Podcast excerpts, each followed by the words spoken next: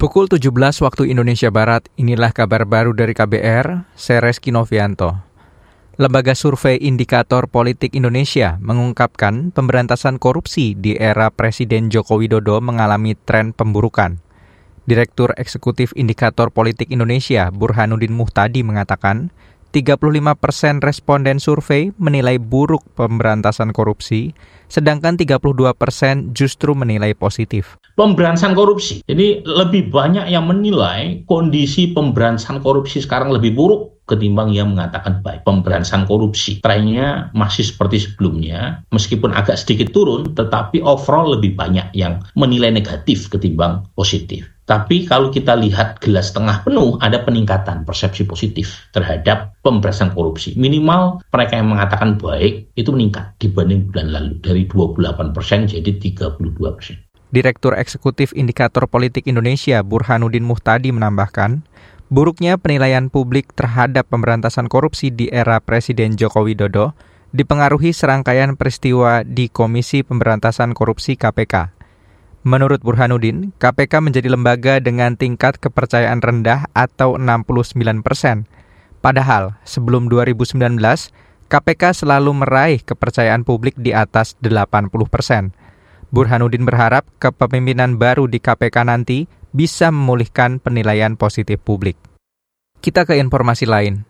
Presiden Joko Widodo mengeklaim 10 ribuan puskesmas di tanah air sudah memiliki alat ultrasonografi atau USG untuk pemeriksaan kesehatan ibu dan bayi. Jokowi mengatakan, pendistribusian alat USG ke puskesmas dilakukan sebagai upaya menekan kasus stunting atau tengkes.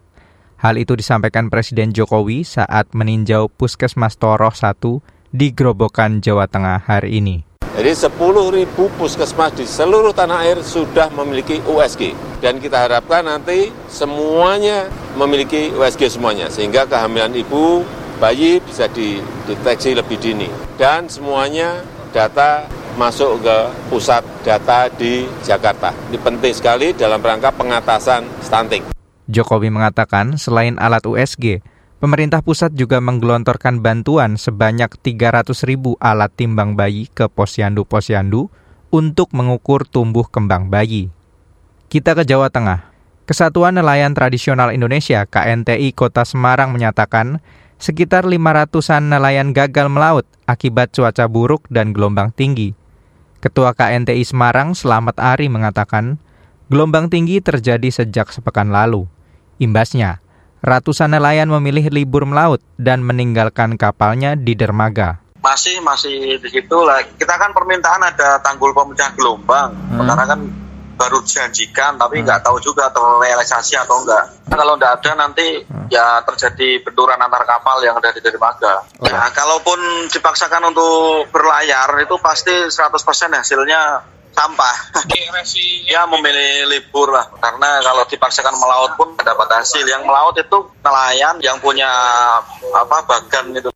Ketua KNTI Semarang Selamat Ari mengingatkan, pemerintah setempat sudah lama diminta untuk membangun tanggul pemecah ombak di sekitar dermaga. Tanggul pemecah ombak penting karena bila gelombang tinggi berlangsung lama, hal itu akan semakin memperparah nasib nelayan. Pukul 17 waktu Indonesia Barat, inilah kabar baru dari KBR, saya Reski Novianto.